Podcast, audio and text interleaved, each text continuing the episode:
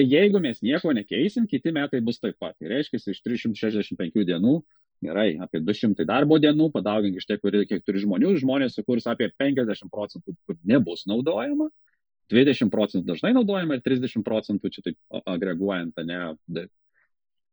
Kiek mes norim investuoti ir gal kažką pakeis, kad pataikyta 20 procentų. Nu, nes jeigu 100 procentų pataikytume, tai iš viso 50 procentų sutaupom, du kartus padidiname efektyvumą įmonės rezultatų prasme, ne? Nu tai vad, kai šitą pavyzdį pasakai, kažkaip prieš save prieštarauti labai sunku, tai netgi ir top lygio vadovai pradeda sakyti, ok, tai ką, kaip daryti. Nu tai sakau, pradėkim tada galvoti, kaip mes galim apsibriežti, kas yra sėkmė, tasme, kas yra tas visada naudojama. Ir tada klausimas, kokiu būdu pigiausiai mes galim patikrinti, ar link to artėja.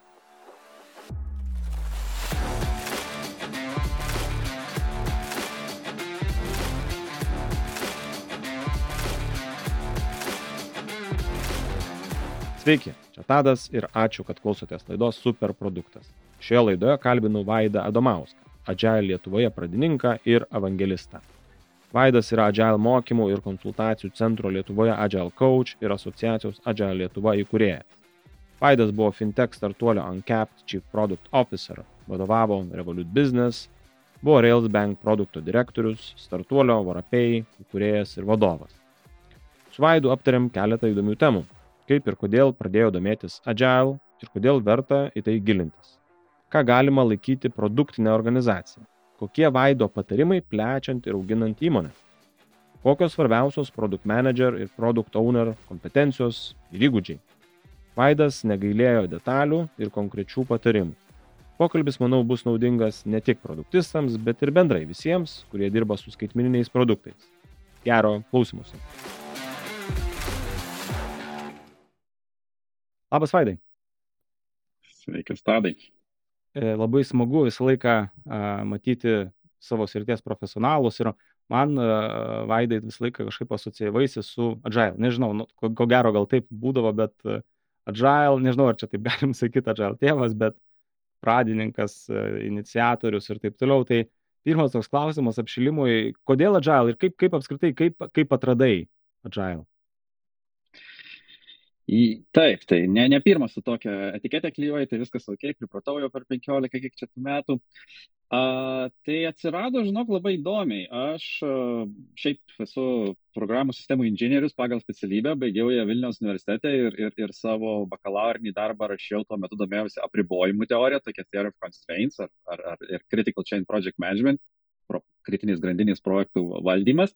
Ir tema buvo identifikuoti tuos bottleneckus, butelio kakliukus, naudojant programinės įrangos kūrime, naudojant tą metodiką. Ir aš tada išvažiavau į Švediją studijuoti magistrą, ir magistrantūrą ir magistriniam darbui galvoju, tęsiu šitą temą ir toliau gilinsiuosi ir žinojau, kad tokia įmonė kaip Ericssonas, turbūt visi girdėjo, naudojo būtent tą metodiką mums pavyko susiorganizuoti su jais interviu, nuvažiuojam su, su, su kolegė interviuint ir jie sako, taip, mes naudojam tą kritinės grandinės metodą, bet paskutinius jau 2-3 metus bandom čia kažką, kur vadinasi Agile'as, Lean Software Development ir panašiai.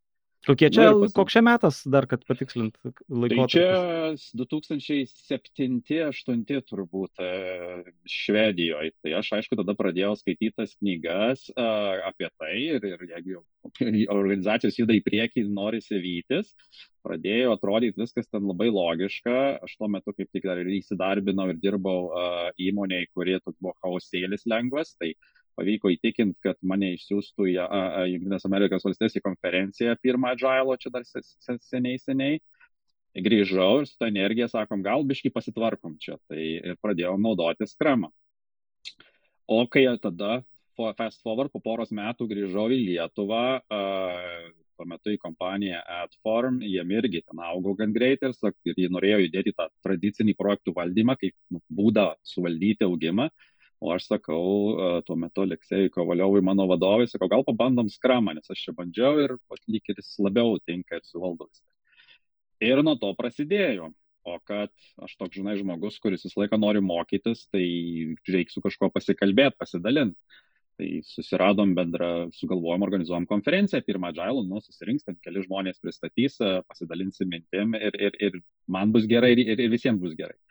Nu ir tas ir užsisuko iš vienos konferencijos, kur planavom 50 žmonių pasidaryti 200 žmonių konferenciją, tada bendruomenė, tada meetupai, tada jau ir oficiali Agile Lietuva asociacija, tada ir Agile Coach kaip mokymo organizacija, tai, tai tas sukosi. Bet turbūt tos geros adžališkos vertybės, žinai, kuo daugiau norėsi atiduoti ir pasidalinti, kad pats išmoktum, tuo greičiau pats išmoksi, bet aišku, tuo labiau ir, ir kiti aplinkui tave auks ir tas labai smagu. Tai čia, žodžiu, toks e, noras tiesiog tobulėti, nu, kas yra natūralu tikriausiai, bet uh, būtent iš to, kaip tos procesus pagerinti ir va čia, kaip mokaiesi, va minėjai, mok, nori, nori mokytis, tai čia knygos, nu, konferencija minėjai, gal kažkokį šiaip, va, koks tas tavo mokymosi metodas yra, kuris labiausiai primtinas pačiam.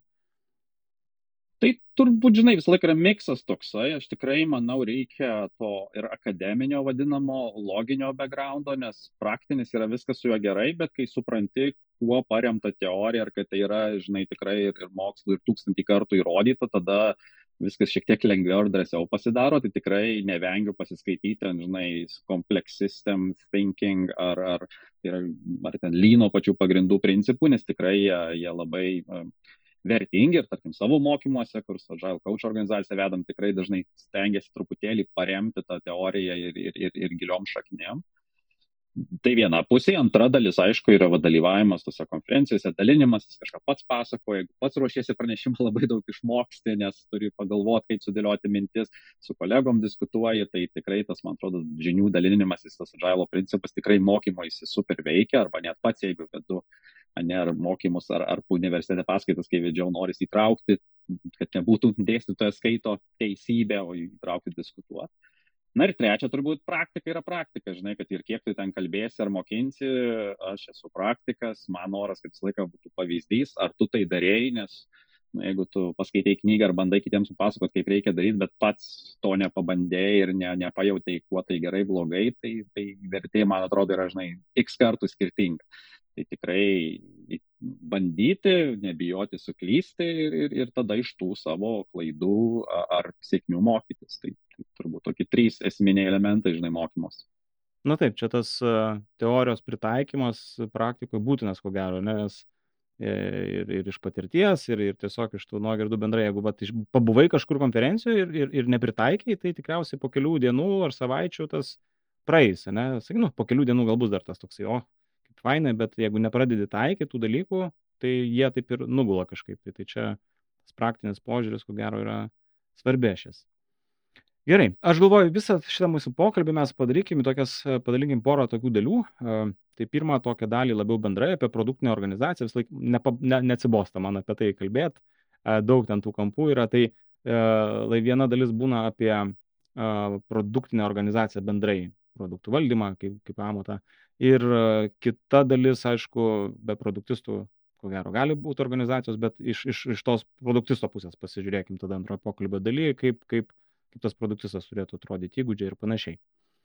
A, tai aš e, gal tą pirmos dalies tą tokį pradėti norėčiau apskritai, kaip mes galėtume, kaip tu galėtum apibūdinti brandžią produktinę organizaciją, kas jinai yra tokia, kokie jos atributai ir ar, sakykime, va, turim skaitmeninį produktą ir mes jau esam produktinė organizacija, kur save galim skaityti, ar, ir, ir atsiranda ta tokia, nu, tas, tokia, tokia savoka brandi, kurie galbūt taiko kažkokius tai metodus, ne, frameworkus, apskritai filosofiją kažkokią tai produktų valdymo. Tai ar tinkamas šitas žodis bendrai apibriežti ir jeigu tinkamas, tai kaip, kaip pats galėtum apibriežti, kokiais atributais būtų galima įvardinti, kas tai per organizacija ir kaip ją atpažinti galbūt. Tai gal aš pavyzdžiais, kad būtų paprasčiau suvokti, nes man atrodo, buzzwordų, žinai, tų, tų terminų visi turim ir, ir kiekvienas iš savo pusės žiūrim. Ir, ir čia vėl nėra kažkoks turbūt jau dabar akademinis apibrėžimas, turbūt man, mano įsivaizdavimas, kaip lengviau atskirti dabar yra toks terminas, gajus pasidarė toks product-led organizacija, ne? Tai yra produktas yra tai, kas iš tikrųjų stovi prieki ir tada visa kita organizacija jam kaip suborganizuojasi, ne pardavimai, marketingas, palaikymas. Ar visgi produktas yra tiesiog vienas iš kažkokių elementų, bet organizacija ten pardavimai ar, ar, ar procesai veda. Tai pavyzdžiui, žinai, mano patirtis, va, ne, dar vis ne taip seniai buvo ne revoliutė, tai palyginkim du bankus, ne revoliutą kaip banką ir, nežinau, bet kurį ten lietuvišką ar nelietuvišką banką, nes tradicija.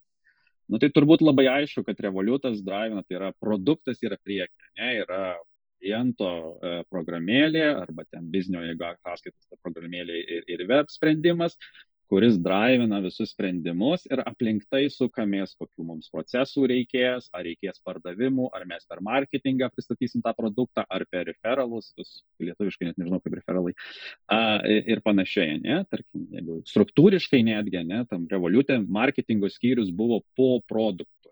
Pro marketingas yra tik tai tam, kad produkt marketingas, kuris skatintų žinomumą, bet produktas yra pirmas klausimas, kokią problemą sprendžiam, kaip ją sprendžiam ir, ir visa kita subordinuojama tą.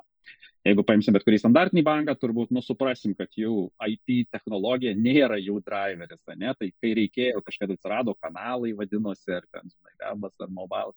Bet tai yra vienas iš dalykų. Jie netgi produktų turi dažniausiai vadina kokią nors ten, uh, žinai, paskolų portfelį ar ten, uh, žinai, mokėjimo kortelį, kur tai ne tik kortelį dar ir, ir, ir visai kitaip žiūri į tą, tarkim, kiek žmonių dirba, tikrai product driven yra visiškai kitaip negu, negu vat, Revolut. Tai vat, man atrodo labai geras pavyzdys, jeigu tu galvoji, aš produktinę organizaciją vadinčiau, nu, Revolutą kaip pavyzdį, net ten ir BNB tą patį, dar kažką, aš net pasakysiu, globalus pavyzdžiai, ir kitą paimkim viešbutį ar banką, kuris turi IT, turi appsą, bet jis vat, nėra, mano nuomonė, produktinis. Vėl, man aš produktas turiu omeny skaitmeninis produktas. Net galiu, gali ginčytis, kad viešbutis irgi yra produktas ir, ir, ir ta prasme naudoti tą žodį. Bet šitoje vietoje, kai aš sakau produktas, tai aš turiu omeny skaitmeninis produktas, skaitmeninė produktinė organizacija.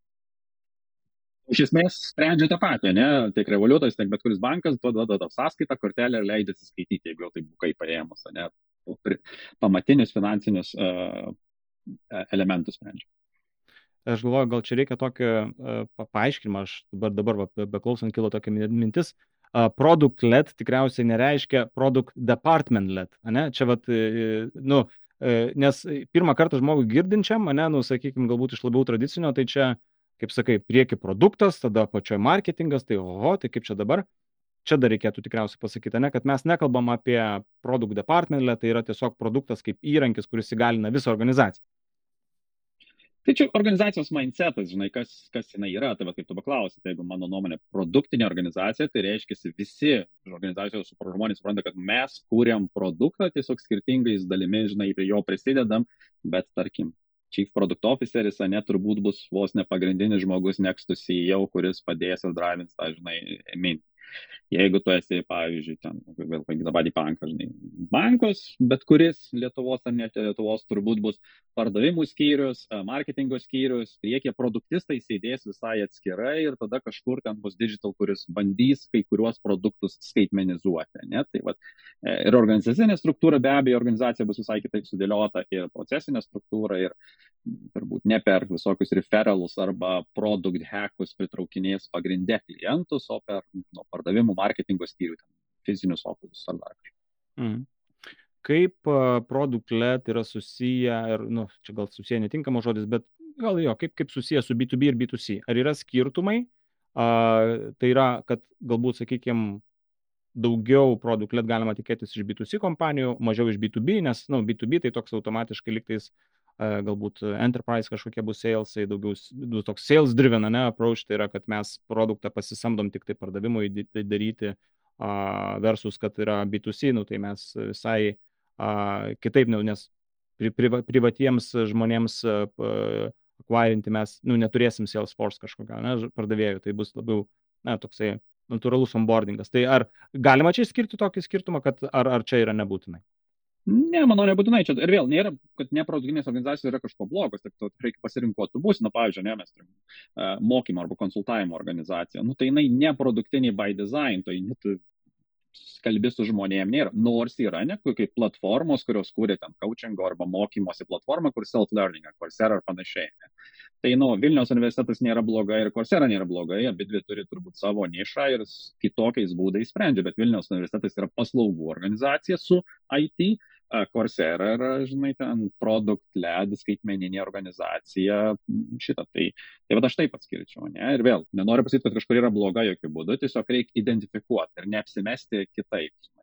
Nereiktų Vilniaus universitetui bandyti būti produkt led organizacija, skaitmeninių produktų. Ne, ne, ne, ne, jų, ne jų produktas, ne jų stiprybė. O kaip e, tavo, iš tavo patirties e, yra suderinami tie product-led ir taip vadinami sales-led. Nu, tokie liktais du skirtingi approachai, ne? Ta prasme, product-led, tai kai viskas yra per produktą, aš kaip naudotojas, ar, ar gali kažkokių pavyzdžių pa, pa, pa, paminėti, arba, pavyzdžiui, kažkokius trendus matai, kad organizacijos galbūt labiau iš, na, pereina iš tą tranziciją iš, iš sales-led organizacijų. E, vyksta toksai trendas, ar, ar, ar vis dėlto čia tiesiog, na, kaip ir sakei, tu pasirenki kažkada tai, kuo esi ir, ir tada jau. Tai turbūt, žinai, yra skirtumas toks, kur tu startavai, žinai, tai tarkim, skaitmeninis visos nauj, naujosios tos high growth organizacijos, kodėl jos yra high growth, kodėl e, nesukūrė tiek daug vertės, nes nu, jos nuo pat pradžių nori būti produktinė, o jeigu tu esi produktinė, tu gali žymiai labiau scale, aukti, skailintis, ne? Tai, tai už tai jos, jų vertė auga žymiai greičiau, jos yra tos high growth kompanijos ir jeigu tavo tikslas yra, žinai, užaukti 1000x per 6 metus, tai tada a, ne, tai kitaip nepadarysi, nesusamdysi, ne, koks nors PWC ar ten paslo didelis kažkoks, žinai, kontoros negali. Tai pasirinkit. Turbūt, kad įdomu labai pasižiūrėti, žinai, kaip tie tradiciniai, tarkim, verslai, ne, jie tikrai supranta, kad jiems reikia skaitmenizuotis, nu, nes jeigu būsi vien paslaugų sektoriui, nu, net ir mokymus mes vedam, žinai, dabar, tarkim, organizacija, jos kažkuria prasme produktizavom, žinai, tos įrankius, kuriuos naudojam, net, gal ir net neskaitmeninius, kaip organizacija bandom suvienodyti ir, ir, ir, paduoti klientui su, su, su gera kokybė pakartotinai, ne, tai dėl to, kad e, dėl gerų dalykų. Tai Tai turiu omeny, kad tos senesnės organizacijos turi pasirinkti kelią ir tiesiog vėl, ar jos agresyviai tai eina ir nori, žinai, kuo greičiau ir būti rinkos priekyje, ar tikrai organizacijos, kurios, tarkim, su inovacijomis ir, ir skaitmenizavimu žengia priekį, vėl nu, žinai, iš bankų sektorium dirbi, nu, pažiūrėjau, ING toksai kaip bankas yra pakankamai tarptautinis žinomas, specialiai nenaudoju Lietuvos ar, ar Baltijos vardų, bet labiau žinomas kaip pane greičiau, na, skaitmenizacija ir tos procesus lyginant su, nežinau, Deutsche, žinai, banku. Ar, žinai, tu pasirinkti tą kelią, aš esu stabili, sena organizacija, aš toliau važiuosiu ir, ir, ir po truputėlį, na, jeigu su viešbutis, jau kadangi privertėt, tai ten įsidėksiu kokią nors, žinai, onlininį bookingą, bet Jeigu čekinas, nors ir visus duomenis supildėjai booking.com ar bet kur, vis tiek atvažiavai, prašo rankai vesti vardą pavardę ant lapų užrašyti, nu, toks, na, serijas, nu, nu, kolegos. A, tai, tai, tai, va, tai, tai, tai, tai čia tavo, žinai, pasirinkimas ir, ir, ir strategija. Vėl, jeigu tu pasirinkai ją mindfully ir tu supranti, kodėl, gal jinai yra gera, žinai. Nėra gerų blogų strategijų, laikas parodys, kuri gera bloga pagal tavo ateities rezultatus na taip tai čia ir aišku galų gale ta transformacija nėra paprasta iš to tradicinio sakykim sales-led kažkokio ane tai ne neįvyksta greitai. Bet vat ką paminėjai ta ekonominė nauda tikriausiai ane tas na nereikia išlaikyt didelio pardavimų aparato Nors čia irgi klausimas, e, gal, gal topikas, ta prasme, ir, ir, ir toms produkt-led organizacijoms turi tą enterprisinius visokius, kur ten yra aparatas tikriausiai nedidžiulis. Tai tu turi jo, tai ne, ne, vienas mm. kito nepakeičia, tiesiog ką tu statai priekį, ne, ar, ar, produktas kurtas, kad tai pardavimo organizacijai, tarkim, padėti ir, ir įgalinti vėl, jeigu revoliutą paimė kaip pavyzdį, mes tikrai su bizniu turėjom pardavimų, pardavėjų ir užauginom didelę komandą dėl to, kad vienas kitam padėtų, tai sinergija yra tenai, bet tai nebuvo, kad pardavėjai eina ir tada mėto mums užklausas iš klientų, buvo kaip tik produktų sufokusuoti pas kurios klientus norintys, o kadangi tai B2B, e, jo revenue per, per ten lifetime value yra tikrai pakankamai didelis, kad apsimoka įdėti į tą procesą žmogų ir, ir, ir tą pardavimą uždaryti su žmo, žmogišku taču, ne vien per, per, per technologiją, kas B2C atveju neapsimoka, nes tavo customer lifetime value yra per mažas, kad tu praleisim ten penkias valandas su, su tuo klientu. Taip. Tai žodžiu, trumpai atsakant į klausimą, kaip, kaip ta atrodytų produktinė organizacija, tai tiesiog per savo patirtį reikėtų pažiūrėti, ne, su kuo tu pradėjai kontaktą. Ar per programėlę, vat, kaip pavyzdys tavo Neurovolut buvo, tai visi ko gero ten pradėjo, kas susisakė tą kortelę nuo, nuo, nuo aplikacijos, ar ėjai į kioskelį banko, e, trumpai tariant, čia toks e, būtiškai. Dar viena tokia tema, labai įdomi, ko gero aktuali šiam, šiam laikmečiui, tai tas na, sunkmetis ir recesija visam pasaulyje ne, yra sudėtinga situacija. Ar agilas, čia toks labai populiarus, populistinis klausimas, turi kažkokių receptų, kaip įmonėm dabar va, sunkmetė ne, išgyvent, sakykime, ne, gal kažkokie yra, na, nenoriu sakyti receptai, bet priemonės ir, ir galbūt būdai. Tai Jeigu priminsiu, aš grįžau į Lietuvą 2009 metais, tai kaip tik žinom, kas nutiko 90-ais, ne, re recesija didžioji. Ir tada pradėjom kalbėti daug apie agilą ir dabar panašiai laikas. Tai iš tikrųjų, jeigu atvirai, tai kaip mūsų įmonė vėl agile coacho, ta kita mano dalis, kur padedam kitoms įmonėms suprasti ir įdėkti tą agilą, judėti link to judrumo kuo labiau, iš tikrųjų recesija padeda, nes kai yra viskas gerai, kai viskas auga, nei tu ten nori keistis, nors tau tikrai reikia optimizuotis ir dabar mokintis naujų būdų, žinai, visi kelia baliukus, ten perka būtus ar kas ten buvo, žinai, ant bangos. Kai ateina recesija, visi pradeda skaičiuoti, o tai iš tikrųjų, ką mes darom, ar mes iš tikrųjų kuriam vertę, kiek žmonių iš mūsų organizacijų iš tikrųjų prisideda prie vertės kūrimo, kiek tiesiog uh, you know, da, daro kažką, kas, da, ką darėm prieš 15 metų.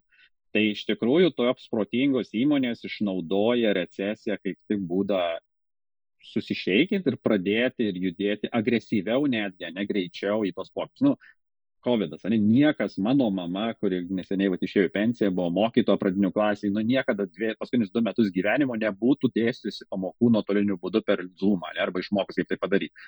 Nu, COVID privertė, tai, e, žinai, žmogus du metai paskutinius pensijos praleido e, e vos ne remote. Žinai.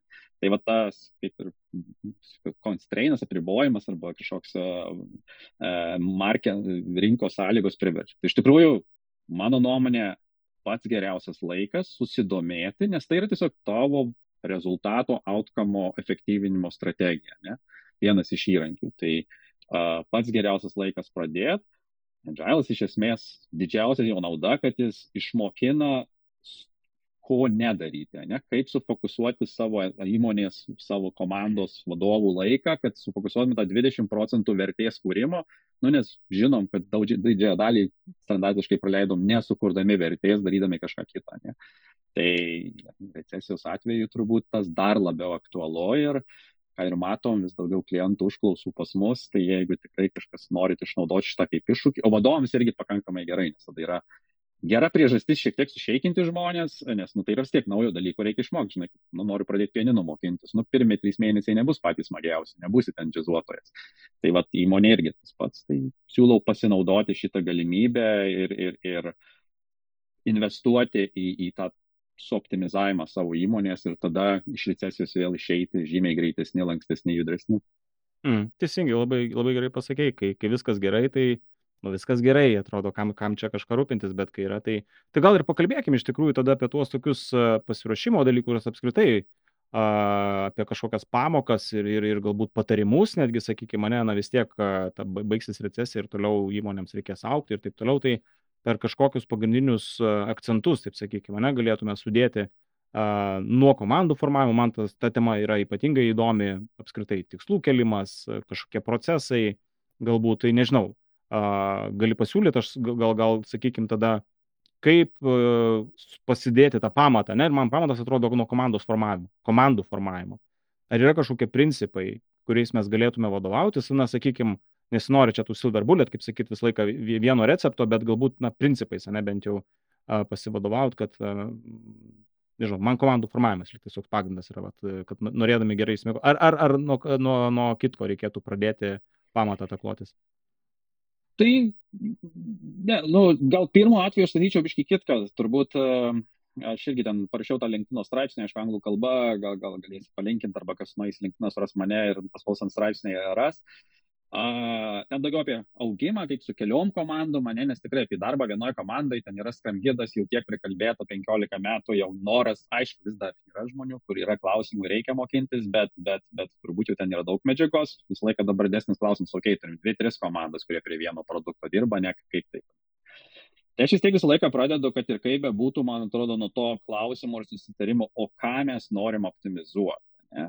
Nes jeigu, žinai, tu vienu metu nori optimizuoti ir, pavyzdžiui, nu, kaip IT labai paprasta, žinai, kuo greičiau, kad programuotojas dirbtų, daugiau padarytų ir o pačiu metu, kad mes vertės kuo daugiau sukurtume, nu jie vienas kitam prieštarauja ir per mokymus praeinam žaidimus, procesus, kodėl tai, žinai, išsiaiškinti.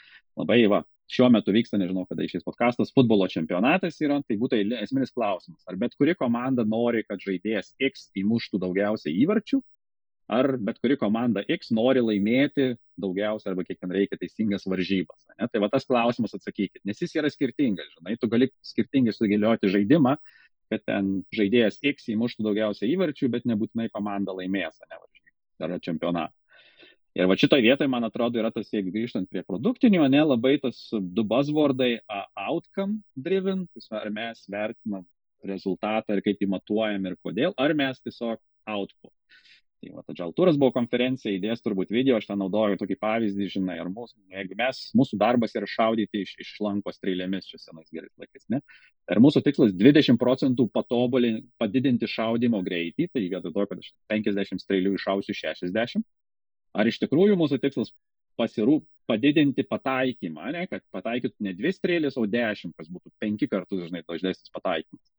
Į ką mes orientuojamės ir ką iš tikrųjų matuosim kaip sėkmės faktą. Tai va šitoj vietoj turėti tą diskusiją ir, ir susitarti tikrai labai svarbu, nes, nes jie iš tikrųjų prieštarauja vienas kitam. Ne? Pavyzdžiui, asmenis efektyvumas ir outcome siekimas.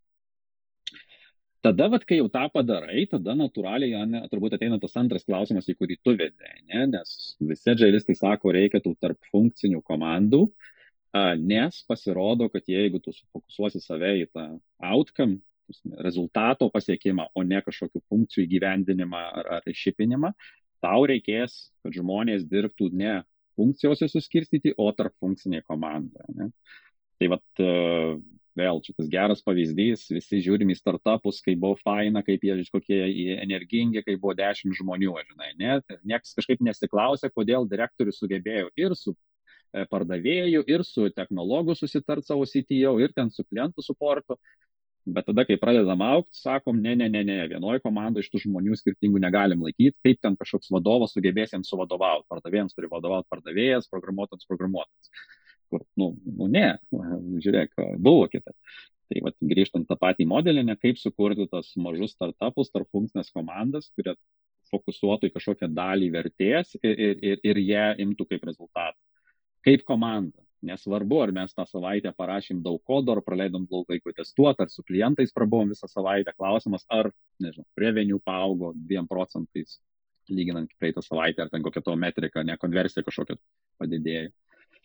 Tai va, tai tas tiesiog, aš manau, per dažnai mes, ne, arba ir Džialas kartais sako apie tą formuokit tos funkcinės komandas, bet prieš tiek nepasako atsakant pirmą klausimą, nes norim optimizuoti Tai čia tas būtent, nu, čia, ar čia tikslas yra toksai bendra paėmus, ar tiesiog labiau, nu, tas, kaip sakėjai, toks mūsų rezultatas. Čia rezultatas ir tikslas koreliuoja šito vietoj. Ar, ar tikslas dar toksai, ką mes norim pasiekti, yra kažkur truputėlį aukščiau ir anksčiau, apskritai, nu, kaip, kaip įmonės. Uh, nes vertės grandinė ne yra tikslas ir yra, mes tą tikslą galim pasiekti kažkokiais tai žingsniais, kurdami vertę. Ir, ir tada atsiranda kažkokiuose žingsniuose tos vertės sudėdamosios dalis, kurias jau serviruoja tada tos komandos kiek jų ten bebūtų. Nu, tai tu, turbūt labai paprastais pavyzdžiais, žinai, ar tavo kaip kažkokios komandos, ar ten feature'as įrašytas backlog'e, arba ką nori, kad, pavyzdžiui, si vadovai, kad tu padarytum, ar nori, kad tu, uh, nežinau, uh, į, į, vėl grįžkime į mano pavyzdžius, ne bankinius pavyzdžius, įdėtum, kad uh, kliento autentifikavimas vyktų per vaizdo atpažinimą, ten, žinai, kažkokiu būdu. Uh, Tai ar tu taip suformuoluoji reikalavimą, ar tu sakai, aš noriu, kad mano konversija iš atėjusio kliento į tapusio klientų padidėtų 5 procentais. Ar tai bus per video programėlę, ar tai bus per gražų ten, nežinau, gra, uh, geresnį procesą, arba per dar kažką, netgi galbūt tą patį branšą perdarimą. Čia jau vat, palieka komandai nuspręsti. Tai va čia yra skirtumas, kad tu formuojam, aš noriu konversiją padidinti 5 procentais ir tada galiu išsiskaičiuoti, kiek man tai pinigų vertė, ten žinai, kokie yra ir ar kaštai patenkina. Tai ar aš pasakau, padarykit online, online ten registraciją, taškas. Kaip padaryti šitą perėjimą, kaip ta, tavo nuomonė? Nes aš įsivaizduoju pakankamai didelis toks griovys yra, ne, sakykime, nu, visi įpratę man duok tą featuresą, X ant kažkokią formą, dar kažką, dar kažką, nes aš liktai suprantu, kad čia man kažką padarys. Ir kalbėti apie tą rezultatą yra nu, visai kitas, nes tada, o tai ką tu čia prisigalvoji, nu kaip tu pasieksi, nu, net nors, nu, žinai, pasitikėjimo čia yra iš tavo patirties, nes tikrai su ne, ne vienu vadovu tikriausiai yra ne viena komanda įsikalbėjęs. Kaip ta e, perėjimas, sakykime, įvyksta nuo to tokio outputo, ne, sąrašų, kažkokių feature sąrašų į, į to jau rezultato kažkokio formulavimą ir kalbėjimą apie tai. Tai dabar klausimas, su kuo kalbėsi, nes labai skirtingai reikia kalbėti su vadovais arba top lygio vadovais ypač, arba su, tarkim, savo komanda. Tai klausimas, kur, kuriai auditorijai ar abiems. Pa, pa, pa, tai pradėkim gal nuo vadovo, nes aš įsivaizduoju, nu čia abi reikėtų pa, pa, pa, paliesti dalis, ne? Nes komanda gali buksuot, norėdama kažką daryti, kol nebus kažkokio, nežinau, nenoriu sakyti palaiminimo, bet sutarimo tiesiog, ne? Tai turi būti vis tiek sutarimas ir iš viršaus, ir iš komandos, prasme, kad Taip. jo, mes sutarėm. Tai vienas labai praktinis, paprastas pavyzdys, kuris jau nežinau, turbūt skaidrės, kai pradėjau studentams dėstyti universitete, dalintis pirmiausia, kaip skramas veikia, pasiskolinau turbūt tą skaidrę, nežinau, iš seniai seniai iš konferencijos, kuris sako, kad statistiškai apie, tik tai apie 20 procentų bet kokios ten, IT sistemos funkcionalumo yra visada arba dažnai naudojama, dar 30 procentų yra kartais naudojama, nu, 50 procentų yra niekada nenaudojama. Ta statistika daryta seniai Amerikoje, tai, nu, koks vadovas, aišku, jie netiki, sako, kad tiesiog važiuojam. Gerai, viskas ok. Dabar pažiūrėkime į mūsų produktą. Ne? Nu, ką, bet ką, ką kuriam, bet kokio įmonėje suveikia visais atvejais. Va tai, iš jeigu tu pažiūrėtum visą tą funkcionalumą, kaip tu galvoji per paskutinius, nežinau, 2, 1, 5 metus kokį amžiaus įmonį, kiek iš tų, kas ten yra parašyta, padaryta iš tikrųjų yra labai dažnai ir visada naudojama, kiek kartais, o kiek nu, praktiškai arba visada nenaudojama nu ir mano patirtim to procentai yra labai labai panašus. Jeigu kažkas šiek tiek bent jau pagalvoja, nu, sako, make sense. Tai tada aš sakau, žiūrėk, aš darau prielaidą, kad tais metais mes, nu, nebūsim daug protingesni, turbūt pernai irgi čia nesabotavom ir užpernai nesabotavom, nes specialiai nedėjom feature'ų, kurie nebus naudojami, ne? tai darysim tais pačius sprendimus. Tai jeigu mes nieko nekeisim, kiti metai bus taip pat. Tai reiškia, iš 365 dienų gerai, apie 200 darbo dienų, padaugink iš tiek, kiek turi žmonių, žmonės sukurs apie 50 procentų, kur nebus naudojama, 20 procentų dažnai naudojama ir 30 procentų čia taip agreguojant, ne. Kiek mes norim investuoti ir gal kažką pakeis, kad pataikytą 20 procentų. Nu, nes jeigu 100 procentų pataikytume, tai iš viso 50 procentų sutaupom, du kartus padidiname efektyvumą įmonės rezultatų prasme, ne? Nu tai vad, kai šitą pavyzdį pasakai, kažkaip prieš save prieštarauti labai sunku, tai netgi ir top lygio vadovai pradeda sakyti, ok, tai ką, kaip daryti. Nu tai sakau, pradėkim tada galvoti, kaip mes galim apsibriežti, kas yra sėkmė, tas, kas yra tas visada naudojama.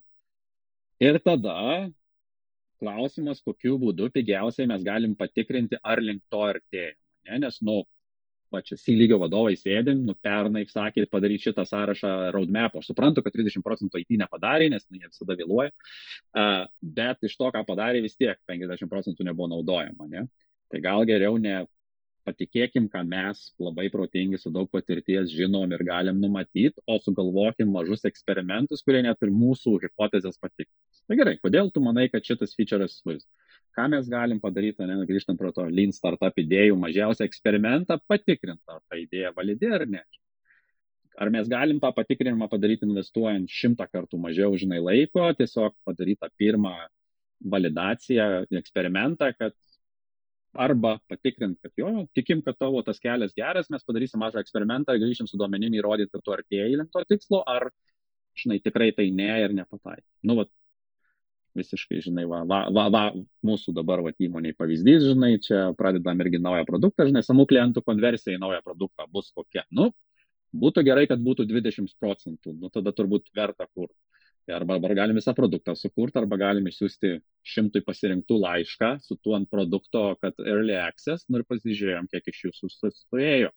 Ir po trijų dienų žinom atsakymą, ar, ar, ar, ar mums verta toliau tą produktą kurt, ar iš tikrųjų reikia galvoti, kaip mes ir kodėl jį pristatysim, nes, nes jeigu tik 6 procentai versus 20, tai tada turi jau 14 procentų minusą. Tai, tai, va, tai turbūt paprastas pavyzdys, panaudojant tą statistiką ir paklausiant apie praėjusius metus, pavyko nemažai vadovų įtikinti, kad tas tai, kad mes galvojam dabar, kad žinom, yra verta pasitikrinti, nes pernai galvojom ir tik 50 procentų pataikinti. Mm. Tai čia yra duomenis ir eksperimentai, ne? Ta prasme, du tokie, prasme, maž, mažiukas žingsnis ir ta prasme, nes jeigu turi sąrašą, tai tų duomenų tikriausiai neturi, net nepamatuoji. Tai čia tas reikia pakeisti tai, kad mums reikia susirinkti duomenis, bet duomenis per, per eksperimentavimą, per nedidelį kažkokį žingsnį. Tai čia jau toliau kaip, ne, bet pirmas klausimas, įtikint, tu klausai, o kaip įtikint, tai tas jeigu, o kaip įtikint, tai vat pasižiūrėti į esamą, ką mes turim ir tikrųjų, iš tikrųjų, kiek per praeitus metus 2.5 sukurto funkcionalumo yra dažnai ir visada, kuris neša iš tikrųjų vertę, nes net gali tam, jeigu turi duomenis, tai aišku, gali duomenim labai lengvai pasižiūrėti, jeigu ne, žmonės gali iš oro pasakyti. Šiais laikais jau daugelis turi duomenis, prieš 8 metus, kai aš klausdavau to klausimo, neturėdavau, nu, sakyt, IP tiksliai, vis tiek gaunam realiai tą patį. Jeigu žmonės yra vėl honest, nes sąmononėje viską, viską naudoja. Nu, ar tikrai, aš kalbėjau su jūsų CTO, kad paklausiau, koks, žinai, kodo executionas, kiek kodo yra executinama, žinai, e, per paskutinius, tarkim, tris mėnesius, kurios nu, yra įrankiai, kurie bent tai gali paskaičiuoti blogiausiu atveju, netaip jau sunkiai ir tu gauni tą atsakymą. Tai čia kaip vadovus įtikint. O įtariu su žmonėm problemų, nu ką, visi gal norėtų taip kažkaip, ne, ne, predefinintą listą kažkokį turėti, bet... Nežinau, aš, aš irgi taip galvoju, kadangi pats esu outcome focus, žinai, gal produkto jau dabar sugadintas, biased uh, ir, ir vienoje įmonėje ir pats saugia, žinai, kaip ir su skramo, viską tai jau visi taip darys, taigi visi supranta, kad čia iteracijų reikia, visi taigi tikrai skrambydą perskaitė, kas ten devyni puslapiai, žinai. Na nu ir po dviejų mėnesių buvo didžiausi pykčiai su, su, su, su žmonėmis, nes uh, buvo nesutarimai, nes tikrai lūkesčiai buvo skirtingi. Ne, nežinau, yra turbūt įmonių, kur taip, jie to ir laukia ir ten vadovai stabdo, bet yra kita pusė, matai, tu tada prisėmė atsakomybę. Nes tu turi A išmokti eksperimentuoti, tai reiškia, niks koks vadovas tavęs nelauks šešis mėnesius, kol tu jam atsakysi, ne, nu, turi maksimum gal, tri, nu mėnesį tikrai maksimum, geriausiu atveju dažniausiai kokias dvi savaitės įrodyti duomenimis ar, ar kažkokio eksperimento, žinai, ar ta idėja, kurią vadovas turi, tikrai kažką, žinai, pa, pajudins ten tą, tą, tą, tą. O aš labai vis mažai dar matau komandų, kurios sugeba per savaitę paleisti, padaryti 2-3 eksperimentus, nekalbant jau, kad žinai, kartais per visai jis neišeina vienu padaryti eksperimentų arba sugalvoti, kaip padaryti.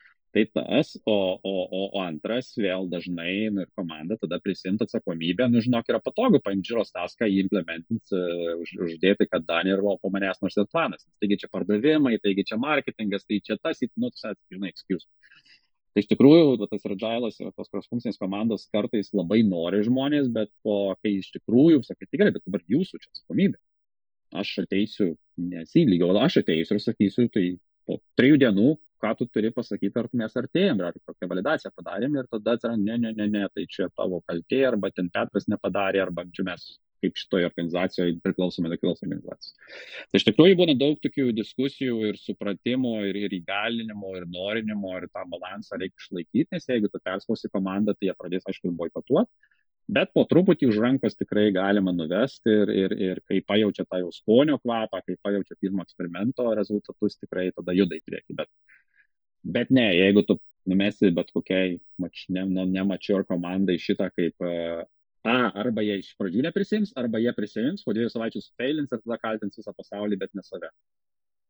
Na, bet čia tikriausiai jo žingsnis po žingsnio yra reiškia atvirumo tikriausiai, reikia tą įsivardinti, kad čia mes galim failinti ir ko gero yra dalis e, tų eksperimentų a, normalu, kad jie feilina, ten, ne, vis tiek galima kalbėti apie tą sveiką santykį, bet, nu, 50-50 kažkoks, jeigu ne feilinti, tai vadinasi labai saugiai žaidži tikriausiai, ten viską taip pat patvirtinti. Nu, jo, štai atvirkščiai 50-50 čia būtų labai gerai, tai eksperimentai yra esmė, kad jie turi parodyti kelią ir kelią suras turėtų būti klausimas, aš tik klausiu, ne kiek jų feilina, feilina, dauguma turėtų feilinti, labai retai turėtum pataikyti, klausimas tiesiog, kiek tu investuoji į juos, ne kiek brangu buvo padaryti eksperimentą, kaip minėjau, jeigu tu ranini tris eksperimentus per savaitę, savaitę, tai tada nuo to jie pigus, tu sugalvoji, kaip juos labai pigiai padaryti. Bet jeigu tau vienas eksperimentas turi, žinai, trunka, žinai, visos komandos dvi savaitės, tai, nu taip, tada tu negali turėti didesnio fail procentų negu 50-50, žinai. Santykinis čia yra dalykas, tai pritariu. Taip. Kas dar yra iš tokių patarimų, sakykime, auginant tas komandas, ne, tai mes tą mindset aptariam, komandų pačių tą multifunkciškumą,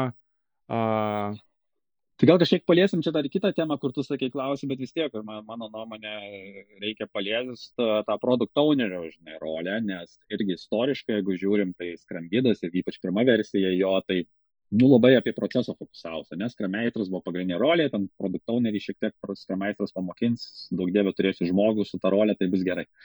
Dabar jau antroji, vėlesnėje versijoje jau sufokusavo, kad yra šiek tiek daugiau atsakomybių aš ypač šiek turbūt daugiau tojais produkt-led, ką kalbėjom pradžioje organizacijose, tai uh, iš tikrųjų manau netgi tai yra kaip mandatory, kad turėtum tos kilsus, kurie ten aprašyti skrandgydį ar tai daryti, bet nu nesufficient. Aš netgi daugiau turbūt ir pats samdau ir ieškau produkt ownerių, juos lyginu šiek tiek su tais CEO mažos įmonės arba mini CEO didelė įmonė. Ir čia vėl, kai kurie kolegos mane challengino šitų klausimų ir internete rasi daug, kodėl blogai, jeigu produkt owneris yra kaip CEO, nes taip būna ir blogų CEO ir tai yra rizikinga ir yra daug blogų dalykų. Man atrodo, jeigu, žinai, vėl pažiūri tą mažą startupą, turėti tą vizionierių, kuris sugeba tiek viziją turėti, tiek jau uždegti komandą, tiek uh, duomenimis pagrysti, kodėl tai verta ar neverta, yra labai labai svarbu. Tai man atrodo tokia an, an, antra, žinai, svarbiausia po tos tarpusnės komandos, kaip dalis, kiek stiprus yra tas tavo produkti, produktistas ar, ar, ar produkto vadovas, ar kaip jį vadini. Uh, toj roliai ir, ir jeigu, žinai, dar ten yra sunku basicus, kas skam gydė prašyta padaryti, nu, tai tada natūralu, kad tavo tas fokusavimasis į rezultatus, outcome tikrai bus žymiai, žymiai sunkiau. Nu, vat ką, ką tik kalbėjome, ne, jau jeigu aš tai galiu tą pavyzdį pasakyti C lygio vadovams, bet jeigu tokios diskusijos produkt owneris nu, net nesugebėtų turėti su, su, su vadovais, nu, tada viskas pabyra, ne? niekada tu nebūsi outcome focus ir tu geriausiu atveju būsi ta sekretorija, kuri uh, orderina features, uh, funkcijas užsakytas iš, iš, iš, iš C lygio vadovo ar, ar, ar tai tu nepe, tai va, turbūt kaip uh, pirmą iš, užauginti tuos žmonės iš vidaus, aišku, kad jie sugebėtų save pirmą patikėti outcome focus per tuos eksperimentus, bet tada ir tiek į viršų, tiek į apačią tą iškomunikuoti. Ir va čia šiuo atveju daugiau vėl produkt ownerio, sakyčiau, rolį negu scrum masterio, negu žiūrint tais, tais tradiciniais scrumo terminais. Okay. Vaidai, aš iš karto noriu, mm. kadangi jau prakalbom apie PM ir PO rolės, e, tai definicija, kaip pats tu laikai PMas PO. Čia vienas žmogus, tas pats, du žmonės, nes uh, organizacijose galima įvairių surasti, ta prasme, ne, dirba ir piemas ir pijau, dirba pijau piemo darbą, a, piemas yra pijau ir taip toliau.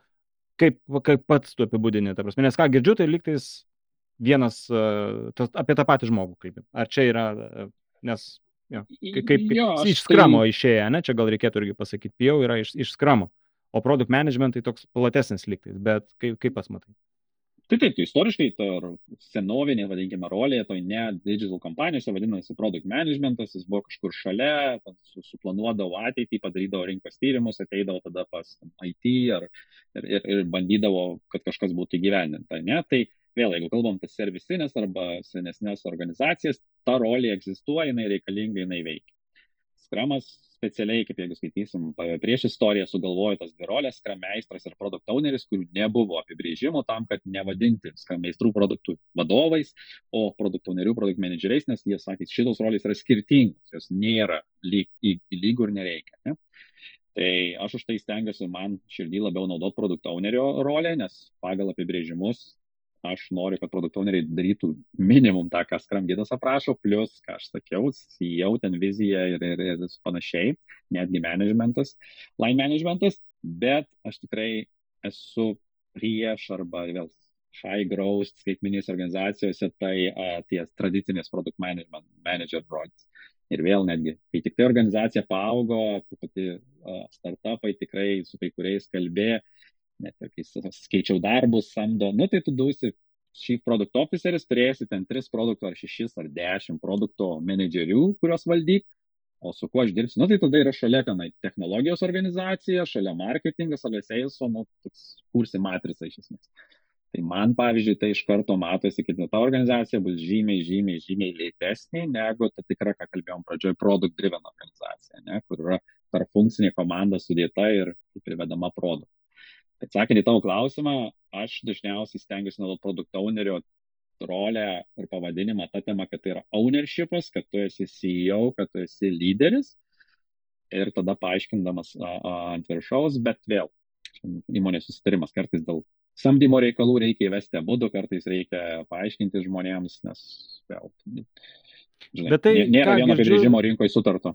Jo, jo, čia va tas, tas yra, bet ką girdžiu, tai yra vieno žmogaus rolė, ta prasme, mes tai, nedubliuojame, ne, tai yra. Dvi rolės, reiškia, turėsi, nu, tą, tada jau tas yra vėl, e, e, turbūt to pirmo lygio, sakykime, kažkokia maturity, agile, kur tu turi IT organizaciją, kur kažkas žaidžia produkt owner rolę, dėl to, kad verslas nesugeba būti produkt owneriais ir mums reikia to proxy, kur su jais šnekėtis, ne?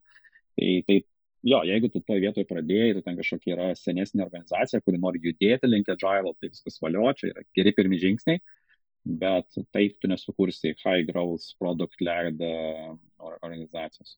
Tai čia cross funkcinis tas toksai atomas yra iš principo, ne, ta prasme, ir čia gal, e, aš galvoju, dar norėčiau paliesti tą tokią a, temą tos, kaip tas komandas tinkamai iš, na, suskaidyti, ne, kada yra per, per, per didelė, kada yra per maža, kad tas augimas atsiranda, ne, nes čia tikriausiai bus iššūkis, iš, iš, iššūkis, jeigu aš augu, turiu penkias komandas, kada man perėti prie šešių, septynių ir kuo remiantis padaryti iš penkių komandų 8, 10, 12. Tai yra kas tas man indikacija, kad čia reikia skailinti? Žmonių skaičius tik tai, bet tikriausiai ne. Nu, žiūrėk, atsakymas taip. Ir laikykit kuo didesnės komandas, bet ne didesnės negu 7 plus minus 2, tai ne didesnės negu 9. Mano praktikoje visos patirtys, aš pats padariau ne kartą, ant senos tą prisipažinau ir turbūt dar padarysiu, per greitai suskaldžiau komandas, nes yra noro visą laiką daryti daugiau dalykų ir tu tada turiu šeši žmonės, nu gerai, padalinsiu po tris ir tada bus dvi komandos nu, aišku, jos tarpusavį turi susišnekėti ir tada komandinio darbo mažėja ir visa kita. Vietoj to, ką dabar aš lesą labiau domiuosi, irgi labai fain turėti vieną backlogą ir tada kuo mažiau komandų, kurie nuo to vieno backlogo uh, funkcijas į uh, vertę kuria ir, ir, ir įgyvena mūsų ar eksperimentus ar tikslus. Tai šitoje vietoje, jo, matematika labai paprasta, turėti tarp funkcijos įgūdžius, uh, kad jis būtų, aišku, pakankamai skilsai pasidalinti ir tada mano dabar toks rule of thumb, kol tu neturi devynių žmonių, tol komandos neskeli. Nesvarbu, kiek tu produktų žiūri, palikim tą suvaldyti per produkto backlogą ir tas geras diskusijas prioritizacijos, bet ne per žmonių išskalinimą. Jau kai artėjai prie devynių, dešimtos atsirado, nu tada jau, jau skaldai.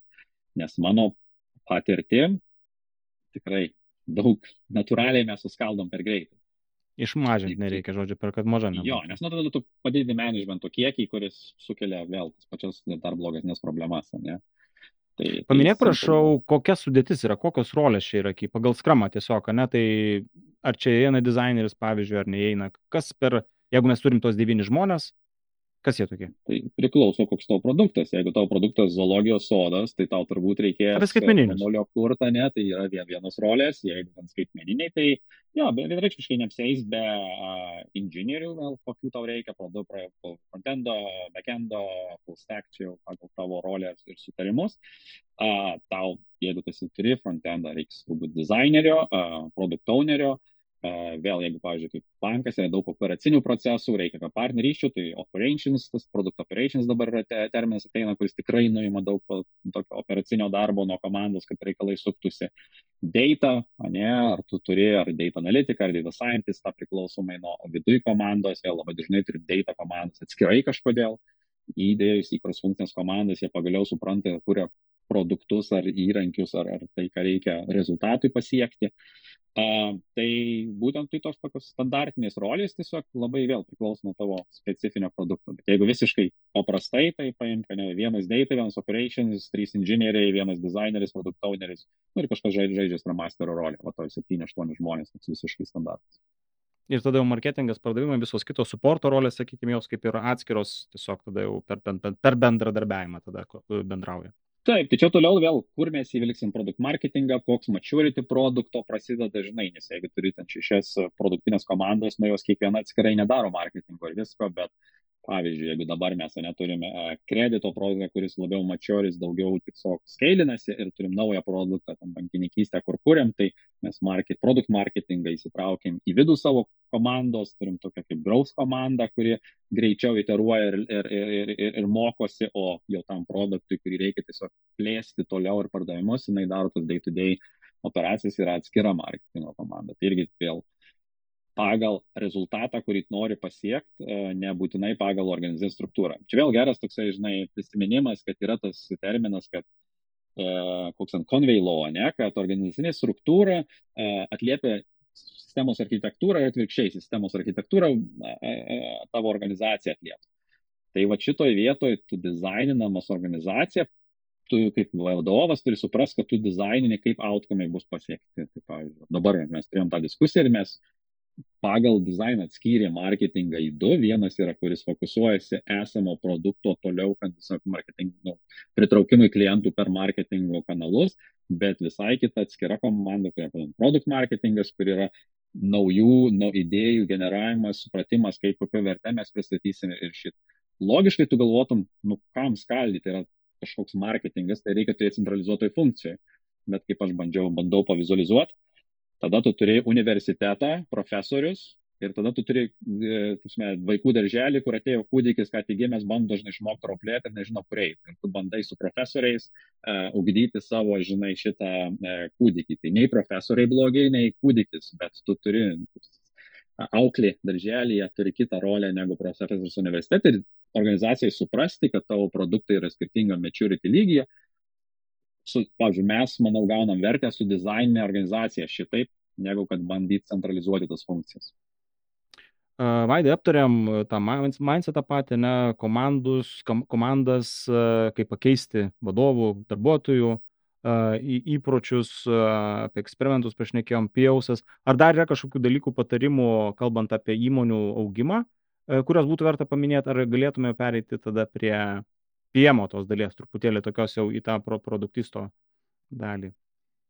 Ne, turbūt esmė, esmė, žinai, čia visą laiką gali gilintis į bet, bet, bet, bet, bet, bet kurią dalį, bet tiesiog gal grįžčiau, suakcentuočiau vėl, pagalvokit, kaip sudizaininti su organizaciją, kad jinai būtų tai vat outcome rezultato, nedrivin, ką pradėjom šitą diskusiją. Nes tada, nu, bent mano akim, tai tikrai vertės pasimato daug, bet tai yra sunku, tai už tai vėl labai gerai to vietoje pasikvieskite tos pačius išorinius, ne konsultantą ar žal kaučą, nes vėl savo kaime pranašu būti labai sunku. Aš pats tą patyriau, e, bet kurio įmonėje, tiek Lietuvoje, tiek užsienį, kai dabar dirbi, ateini su tom pačiom mintim, vienai priima, pasikvieti kolegą iš išorės, atrodo, tos pačius dalykus papasakoja, bet žmonės kitai priima. Tai tikrai tam pačiam pokyčiui, tarkim, pajudinti, vėl dėl to labai fainai konferencijos nueiti, ne, nereikia būtinai mokėti, pasikvieti kolegą pietų ir, ir, ir ir pašnekėjo ir gerai. Tiesiog nebijokit, turbūt patarimas, kai daro tai išeiti iš organizacijos ribų ir pasikviesti bet ką iš šono, tokį kaip šiek tiek nepriklausomą, kad kažkiek padėtų, nes tas labai labai padeda mano patirtim. Aptarkim tada produkto ownerio, kaip pats sakai, ne, tai kas tas per žmogus turėtų būti, kas jam yra svarbu, kokios kompetencijos, kokius jūs įrankius galėtų turėti, tai gal nuo, nežinau, nuo kompetencijų pradėkime, ne, nes nu, lūkestis iš jo pakankamai nemažas yra reikia ir su komanda dirbti, ir, ir dar vadom kažką papasakoti. Ne? Tai, tai kas tai per žmogus? Na, tai čia, žinai, kaip CEO, už tai man patinka ta rolė, nes vieni atrodo, oi, tai jis, žinai, tikrai, ne, jam reikia ir komandą sudėlioti, ir vis tiek, kad ir koks direktorius turi valdybą, turi savininkus, kur, žinai, ar ten investuotojus, kuriems reikia atsiskaityti. Tai, tai, tai, tai visą laiką yra tos dvi pusės. Vis dar neradau žmogaus, kurį, kurį vadovauja tik Dievas, žinai, kaip sako, kas ir kas aukščiau. Nu, net ir šeimoje, žinai, vis tiek turi žmoną, partnerį, reikia pasiderinti. Tai man atrodo, tokį, aš žinai, turbūt vėl kalbant kontekste skaitmeninių produktų, tokius turbūt gal tris, visą laiką ieškau trijų, žinai, savybių, ar, ar kai samdau produkto ownerius, ar kai kalbu.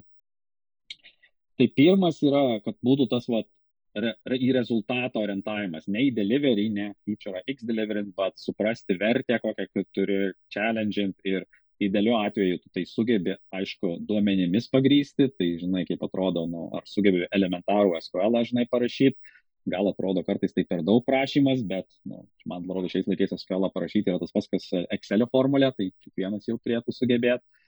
Ir tos toksai kaip algoritminis, loginis mąstymas, nes tau reikės duomenimis išversti tą, tą vertę, nes kitaip tu jausmais vadovausis. Ne? Nu, tai čia vėl pavyzdžiais, ne, vieni mylim, kiti nekenčiam, e, dar priklausomai nuo metų, ten kokį nors Eloną Muską, ne, bet iš jo principas jis yra inžinierius, nuo, nuo prigimties, ne, rašė kodą. Ir tai, jeigu žiūrėsi, visas mąstymas yra paremtas tuo, ne, loginiu, tų pirmųjų principų paieškų. Tai va, tą bandau irgi užčiuopti ir tikrai visus paskatinti turėti algoritminį mąstymą arba tikrai pasimokyti duomenų analizės elementarių dalykų. Tai čia pirma dalis, kad toks data driven ir, ir nes, kad fokusuotų tas, tą rezultatą ir mokėtų išmatuoti.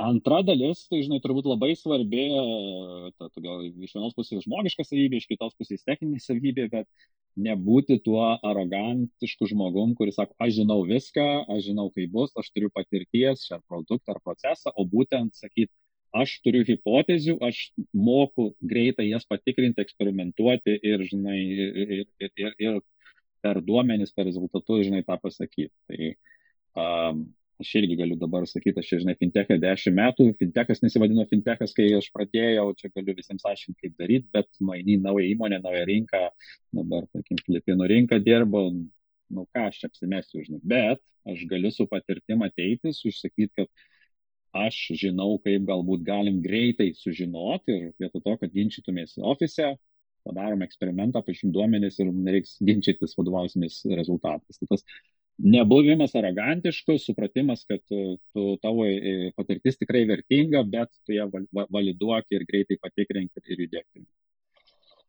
Ir trečia dalis, tai turbūt, kad kažkiek jau palėtėm, žinai, iš vienos pusės ta lyderystė, aišku, tu nori, kad būtum galėtum kalbėti, vest komandą į priekį, nes, nu, kad ir kaip bebūtų, jeigu tu netiki savo produkto owneriu, tai čia kaip founderiu netikėt, nieks, nieks nebus.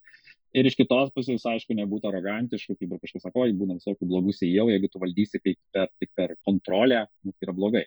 Teamworkas, ne, kaip įtraukti komandą į tą, tą, tą diskusiją, tą paiešką, tą patį eksperimentavimą, duomenų rezultatų pasiekimą. Tai aš vėl esu per slešą rašau, nes man atrodo, man lyderystė be komandinio darbo neina kartu, žinai, tai, tai tikrai ne arogantiško vadovo ieškai, bet tu ieškai lyderio, kuris sugeba įtraukti komandą ir, ir pasidalinti darbais e, ir, ir įgalinti juos, žinai, priimti rezultatus. Tai va tokie trys momentai - outcome focus per duomenis ir e, algoritmį mąstymą, eksperimentavimas, nebuvimas arogantišku, bet dideliu atveju turinčiu patirties. Ir trečia, vadovas per komandinį darbą, per lyderis. Mhm. Kai sakai mini CEO, čia iš tikrųjų aš irgi vat, tom, tom temom domiuosi ir e, yra, kartais yra pasakoma, ne, kartais dažnai, kad ne, negerai yra vadinti ten PIAUS mini CEO, nes, nu, nėra jisai CEO, nes CEO ten turi apskritai ir atsakomybę, ir galių kaip tokių daugiau. Bet ką tu sakai, kai, kai sakai mini CEO, tai labiau iš tos lyderystės prizmės. Teisingai, aš, aš ką, ką išgirstu, kad, na, tai yra jis tiesiog labiau lyderis, ne, ir ne kažkaip užmenantis kažką komandai, bet, na, suburiantis tam komandiniam darbui. Čia iš tos perspektyvos tikriausiai ateina. Būtent, nes aš manau, jeigu CEO vadovausi savo galiomis, o ne lyderystė, štai jis tikrai nebus geras CEO, ne? Jeigu tu, tau žmonės dirba dėl to, kad jie tavęs bijo, arba ten, nu tai ilgai nedirbs ir tu nepasieksi rezultatų, taip pat čia.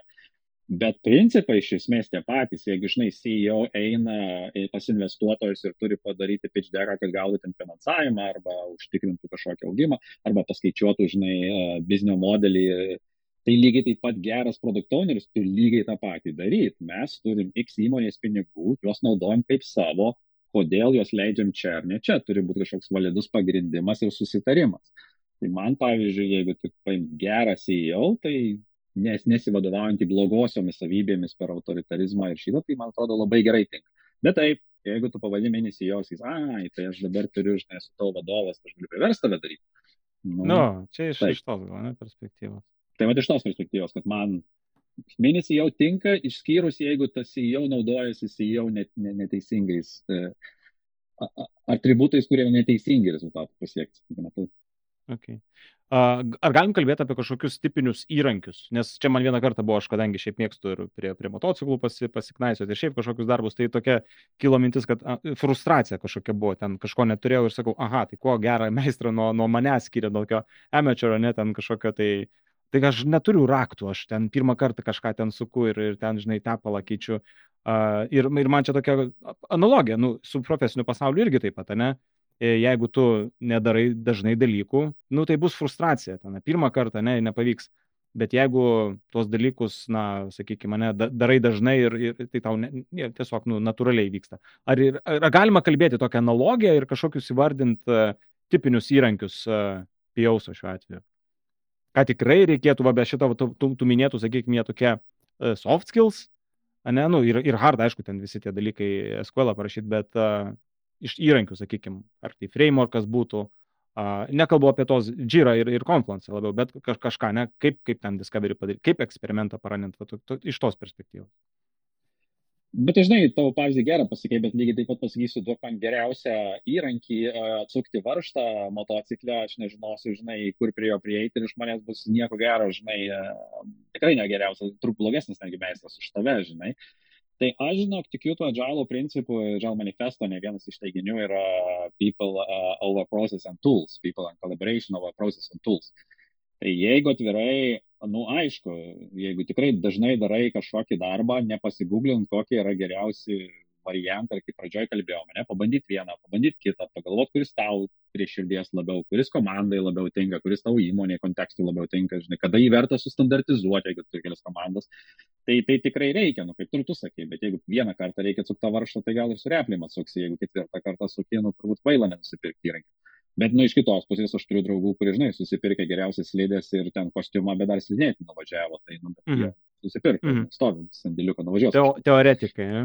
Jo, jo, žinai, tai, tai va čia irgi, žinai, aš mačiau, turbūt dažniau matau atvirkščiai, kad ypač va čia junior product ownerių labai dažnai tas savybė. Oi, pradėkim naudoti ten, nežinau, žinai, ar Figma, ar ten, žinai, o Jira, ar ten uh, product boardą, žinai, ar ten va, Raiso kokį modelį prioritizavimui, e, arba ypač su eksperimentais, darykim, oi, būtinai yra iš nuo, nuo day one reikia ten daryti AB testus. Į įrankį fokusuojasi ne rezultatą. Nu, pavyzdžiui, jeigu tu nuo nulio kuri pirmą langą, kam tau daryti AB testą, arba kiek tu trafiko ten gausi, jeigu tau atėjo penki vartotojai per savaitę, koks tavo AB testas ten, turi turėti trafiko pakankamai, kad jį galėtum padalyti, kad tu statistiškai relevant informaciją turėtum. Tai va tai toj vietoje aš manau, aš dažniau matau, kad kaip tik juniorai susifokusuoja, va, kaip ir mano draugai, žinai, nusiperka ir pasidai lentyną, tai fokusuojasi įrankius. Mano farazė visą laiką labai paprasta. Procesas, kaip ir komunikacija yra svarbiau. Tai ko aš ieškau? Ar tas įrankis padeda mums dviems valandom, mums kaip komandai komunikuoti? Aš tą galiu pasakyti paprastą pavyzdį. Aš dabar turiu keturis direct reportus, one on one, mes naudojam tris skirtingus įrankius.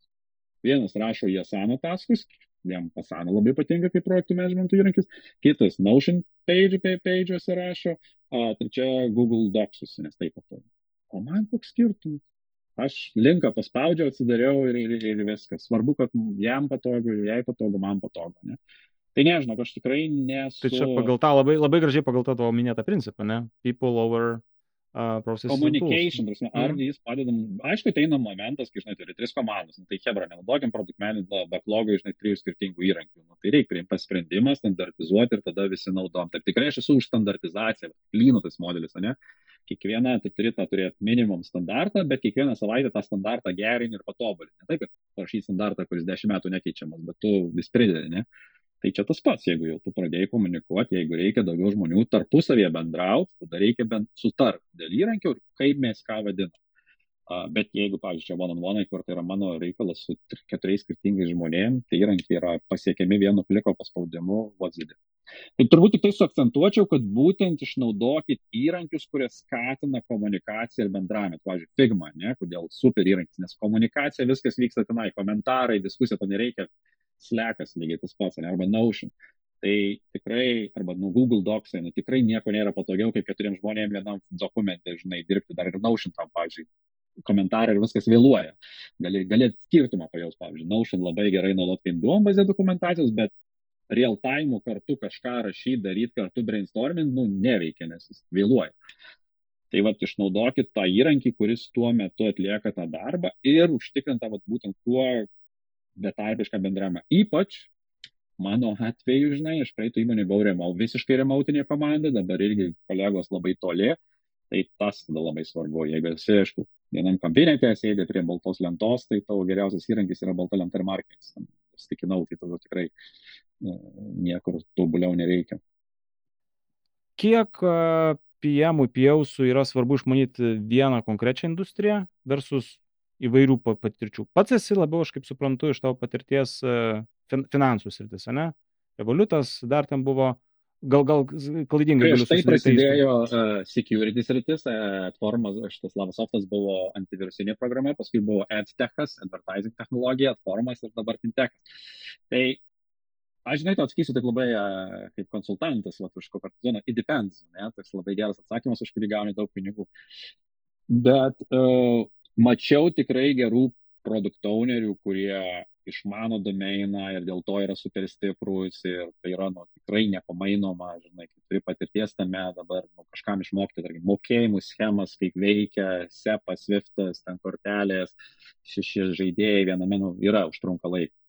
Bet iš kitos pusės tiek ten SEM, tiek Scrum Masterių, tiek produkto ownerių mačiau puikių, kurie žino procesą, žino, buvo geri produktauneriai, ne, ir ateina visiškai naują domeiną ir išmokti tą domeiną, taikant vėl tos pačius įrankius, eksperimentavimą, nu, nėra rocket science, ne, ką jau minėjau, Elona Muska, nu, išmoko ir raketas gaminti, ir elektromobilis, ir dabar dar tuo social engineering, žinai, bus geriausias Twitterio kaip vadovas. Ne, tai atrodo, kad jis, jis realiai principus naudoja, o domeinas, žinai, yra laiko pasigilinti, bet turi turbūt, įrankiais panaudojęs gali pasigilinti.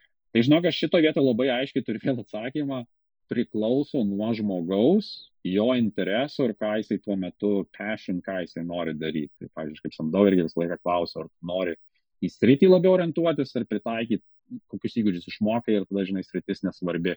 Ir, ir turėjau tikrai ir sėkmės istorijų, ir fail istorijų, ir ten, ir ten, nes ir ten, ir ten yra labai daug pliusų, labai daug minusų, tu gali stumdyti ir ten, ir ten. Mm. Supratau. E, vienas gal tada iš tų tokių paskutinių tos, e, tos apie produktus tą temos platus, gal, gal ne visai tinkamas klausimas pabaigai, bet taip, gal galėtum apibendrinti apie savo tokius išmokimus iš produkt management perspektyvos. Kaip pats buvai produkt manageris a, ir, ir, ir bendrai tos tokios, nežinau, yra kažkokie kertiniai tokie dalykai, kuriuos tu norėtum ir, ir kitiem pasakyti, kad, kad kas yra svarbu, ką tu išmokai ko, a, ir, ir tikrai kitiem būtų aktualu žinoti. Tai žin, žinai, jo, daug, daug pamokų, tai čia dabar, žinai, kažkuria galvoju, ką išsirinkti. Aš gal tokią istoriją, žinai, papasakosiu, nes, uh, žinai, perskaičiau kažkada jau gan senokai tą Martį Keigino knygą Inspired, nu, man tai atrodė, nu, gerai, logiška, viskas gerai, aš taip dirbu, žinai, nieko naujo, žinai, ir net kai kažką pasišėrinau savo knygų listą, kurį rekomenduoju, žinai, irgi linktinė yra nuoroda, jeigu norit susirasti, tos knygos ten nebuvo, žinai.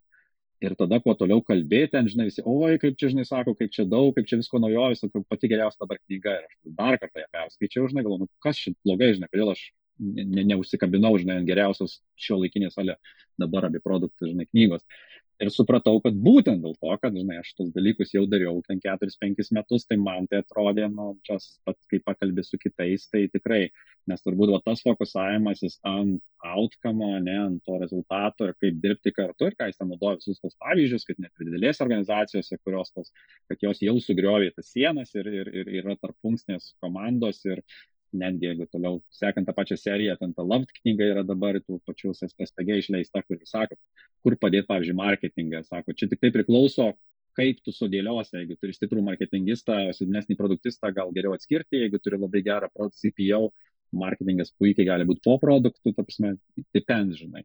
Tai va tos turbūt, tai man turbūt tas, kad būti toj tikrai įgalintoj tarpfunkciniai komandai, bet tikroji tarpfunkciniai komandai, ne toj matriciniai apsimestoti su pirmam žingsnė, bet tai tą trečią, ketvirtą, penktą, turbūt va, ta didžiausia išmokta pamoka, nes turbūt ir pats augau, taip žinai, nuo to eilinės skramo, pirmo skramo, kur tikrai buvau tiesiog paaugęs uh, produkto, žinai, va, va, va, va, vadovas buvęs aitišnikas iki to tikro kliento vertės, rezultato pasiekimo ir matavimo. Turbūt, jeigu žinai, uh, kaip tu klausai, koks pamokos, tai kaip greičiau nukeliauti, kad tu ir komanda ir pats matuotum outcome, o ne outputą. Čia, čia turbūt čiausiai, ką fokusuočiausi ir, ir, ir pasiūlyčiau žmonėms fokusuotis. Nežinau, ar klausia ar neklausia, bet jeigu, žinai, vėl, kaip pradžioje klausė, žinai, šit knygų ar dar kažko, ar kaip mokaisi, tai man kol kas marketingas, kaip sakau, labai gerai, bet atrodė, aš taip darau, mane su iš tikrųjų su, sušeikino, tai Lean Startup, ir jis, jis knygas senokai jau neišėjus, bet tokia viena iš tų, kur vat, būtent priminė, suchallengino, pamokė, kaip daryti tuos greitai eksperimentus ir kodėl tai vertė, ir kaip komunikuoti, kodėl tu tai darai ten su vadovais, jie neturi atskirą skyrių su buhalterija, kaip šnekėtis tuo klausimu, tas CFO, ne? Tai va ta knyga turbūt iš tos prizmės man, man labai uh, tikrai parekomenduočiau, kuris produktų vadovas neskaitė, tai, tai tam eksperimentavimui, supratimui super, super geras reikalas, jeigu skaitė dar kartą perskaityti, tikrai um, verta. Tai čia galim ir perėti prie tos paskutinių tokių kelių klausimų. Tai tas, tas pirmas iš jų yra, yra apie knygas. Tai minėjai Marty Keigano, aš irgi manau, kad tai yra ta trilogija, ten jau visa yra Inspired, Empowered ir, ir Love dabar išėjusi. E, tikrai toksai e, gralis, bet kaip sakai, aš ką, ką supratau, yra reikia tą išeitinį tekstą, ko gero irgi pasiskaityti, tai tą Scrum Guide tikriausiai, ne? Dar verta visiems prasi, prasibėgti, jisai tai neilgas. Visą laiką, žinai, aš pavyzdžiui, kai diskutuoju, visą laiką už tai, kaip mes ir kalbėjom, tais terminai, žinai, yra labai sudėtinga, nes ir, ir kas yra skramas, ir ką reikia daryti, ir kas backlogas, yra tiek interpretacijų ir, ir tai aš labai moks, mėgstu grįžti, man skramgydas tuo man patinka, tu nusintai nuorodą ir, ir kalbė apie tai. Jeigu tu daugiau komandų, pavyzdžiui, tuo lesas patinka, jų puslapį nuėjai, lesworks, nusintai nuorodą, tai ar mes darom šitą arba kažką kitą kalbamą, ne? Ir tada jau yra kažkoks spirties taškas diskusija, nes kitaip tai, nu, yra nuomonės arba, žinai, skirtingi at, at, vėl at, atramos taškai. Tai taip, jeigu dar neskaityt, perskaityk skambidą, kad ten devyni puslapiai dabar online dar greičiau, tai, tai viskas paprasta, tai būtinai. Super. Ar dar yra kokią knygą paminėt, e, kas, kas, kas to iš tokių, vat, O, tai žinai, yra ten jų daug, bet gal pradėkime, jeigu dvi, tris paminėjom, tai tikrai pradžiai užtek žmonėms. Kaip sakiau, jeigu norit, na, LinkedIn yra ar postas ar straipsnis buvo su palinkintais e, knygomis, tai ten yra visas sąrašiukas ir kodėl, tarkim, dėl OKR'sų ne, nepalėtėm temos tikrai svarbi, arba ten teamworko, tai va, skirtingose, turbūt, skirtingose temose yra skirtingi fokusai. Puikiai. Apie įrankius dar vienas yra klausimas, kurio visą laiką savo e, pašnekovų klausiu. Kokie tavo darbo įrankiai, kuriuos naudoji kasdien? Tai kaip jau šiek tiek palėpėm, žinai, standartiniai, kas įgalina tą lengvą online bendravimą ir vėl, pavyzdžiui, viską dabar browserėje praktiškai elementariai, išskyrus Slack appsą turėjo, kuris ne, ne, ne, ne nes tai yra greitai, tu bet kur gali prieiti, tai visi googliniai, doksai, exceliai, kurie yra vėl komunikacijai nesukurti tobulai, kad tu gali rašyti ar, ar dokumentą keliese dirbti. A, tada Figma ten kaip dizaino įrankis visose įmonėse, aš dabar nu, nupirko juos, ne, tai matom vertę, kokią sukūrė. A, Backlogui reikia įrankio, bet tiek naudoju Jiros backlogą, tiek dabar Asana, tiek naudojam uh, Podboardą, tai tik įrankis, tai, tai turbūt tokie jeigu paminėt, tai pavyzdžiui, išaugau iš mailo, dabar nesugebu atsakyti mailų žmonėms, nes kai esi slekia, tai prasme, mailas pasidarė čia toks, kaip žinai, anksčiau paštą tau atsiųsdavo, turbūt, žinai, tai nebetikrini, nes gauni tris laiškus per dieną, nors prieš tarkim, dešimt metų mano mailas buvo tudų listas, su kuriuo tu dirbdavai kasdieną, tai va, augi per tos įrankius, bet tai, kas greitą komunikaciją ir feedbacką užtikrina, kuo lengvesnį bendravimą. Mailas man tapo notifikacijų toksai, notification vis ateina iš vairių įrankių, to, tos pačios figmos ar... ar, ar ne, ne, ne, Sleko kanalai tam yra. Kam, kam, kam jo, tai aš, vat, ne, ta prasme, juos ne, nesusitvarkęs, čia, čia, čia akmuoju mano dar žinai, bet uh, jo. Aš praktiškai buvau net forwardą pasidaręs iš mailą į sleką, tai jeigu aš parašydavau mailą darbinį, tai ateidavo slek, į sleką ir aš sleką galėdavau paskaityti summary, nes, nu, tikrai nenueinu į ten tabą, kuriame Gmailą, žinai, įmonės daryti. Nu, nebendrauji su išorės, bendrauji vidinė. Taip, taip, taip. Turim griežtas taisyklės, vidinė komunikacija yra per sleką, išorinė komunikacija su klientais, ne. Įskyrus keli, kurie yra prijungti kanalai, bet per, per, per mailą, jeigu mano darbas nėra su išorė bendrauti. E, na ir paskutinis klausimas, koks būtų tavo patarimas produktistams? Ai, tai, žinau, pasikartosiu tiesiog eksperimentuokit, apsime, tikrai išmokit padaryti kuo pigesnius, mažesnius eksperimentus, viską žiūrėkit kaip hipotezę. Kai tik tai pasako atsakinį, darom šitą, galvokit, ar galiu perfrazuoti. Aš turiu hipotezę, kad bus tai, padarom šitą tam, kad patikrinti. Tai tas taip ir mąstymą pakeičia, ir, ir savo, ir komandos, ir baimės mažiau atsiranda, nes kažkaip hipotezės tikrinti lengviau negu, su aišku, kaip tą padaryti kuo pigiau, greičiau ir, ir, ir būti tuo results driven. Taip, reikia turėti gut feelingą, taip reikia turėti, žinai, vėl tas pats, žinai, Steve Jobsai ar ten Nick Storonski turi tikrai gut feelingą, kurie pusė eiti, aš nesakau, kad viskas yra tik per, na vėl, žiūrėjau, ateina, viską darysim per eksperimentus. Ne. Bet jeigu turi kažkokią, žinai, viziją, tiesiog ją po truputėlį čekinį ir važiuoji į priekį, e, laviruoji. Uh, tai reikia turėti tą viziją, nepradėti nuo nulio lapo, nežinau, į kurią pusę 180 laipsnių eisiu, tai pradėsiu testuoti, ne. Noriu eiti ten ir po truputį paliduoju savo kelią. Tai, tai, citatoriui patarčiau, eksperimentuokit, eksperimentuokit, eksperimentuokit. Nu tam, kad mažiukais žingsniais, nedėliais žingsniais įeiti į tą užtikrintumą, sakykime, ne? bet kryptis turi būti būtinai. Ačiū, Vaidai, labai patiko, patiko tavo ir, ir komentarai dėl, dėl, dėl tos organizacijos, ne, kaip, kaip pakeisti, vadovams ta dalis, manau, bus aktuali ir apskritai produktistam tikriausiai bus įdomių dalykų. Tai ačiū labai ir sėkmės. Ačiū tau, iki. Ačiū, kad klausėtės. Tikiuosi jums šis epizodas patiko. Prašau pasidalinkite su savo draugais ar kolegomis. Tai man padės suprasti, kurios temos jums yra įdomiausios. Prenumeruokite ir palikite, prašau, įvertinimą Spotify, Apple Podcasts ar kitoje jūsų mėgstamoje audio platformoje. Daugiau laidų galite rasti superproduktas.lt. Ačiū ir iki.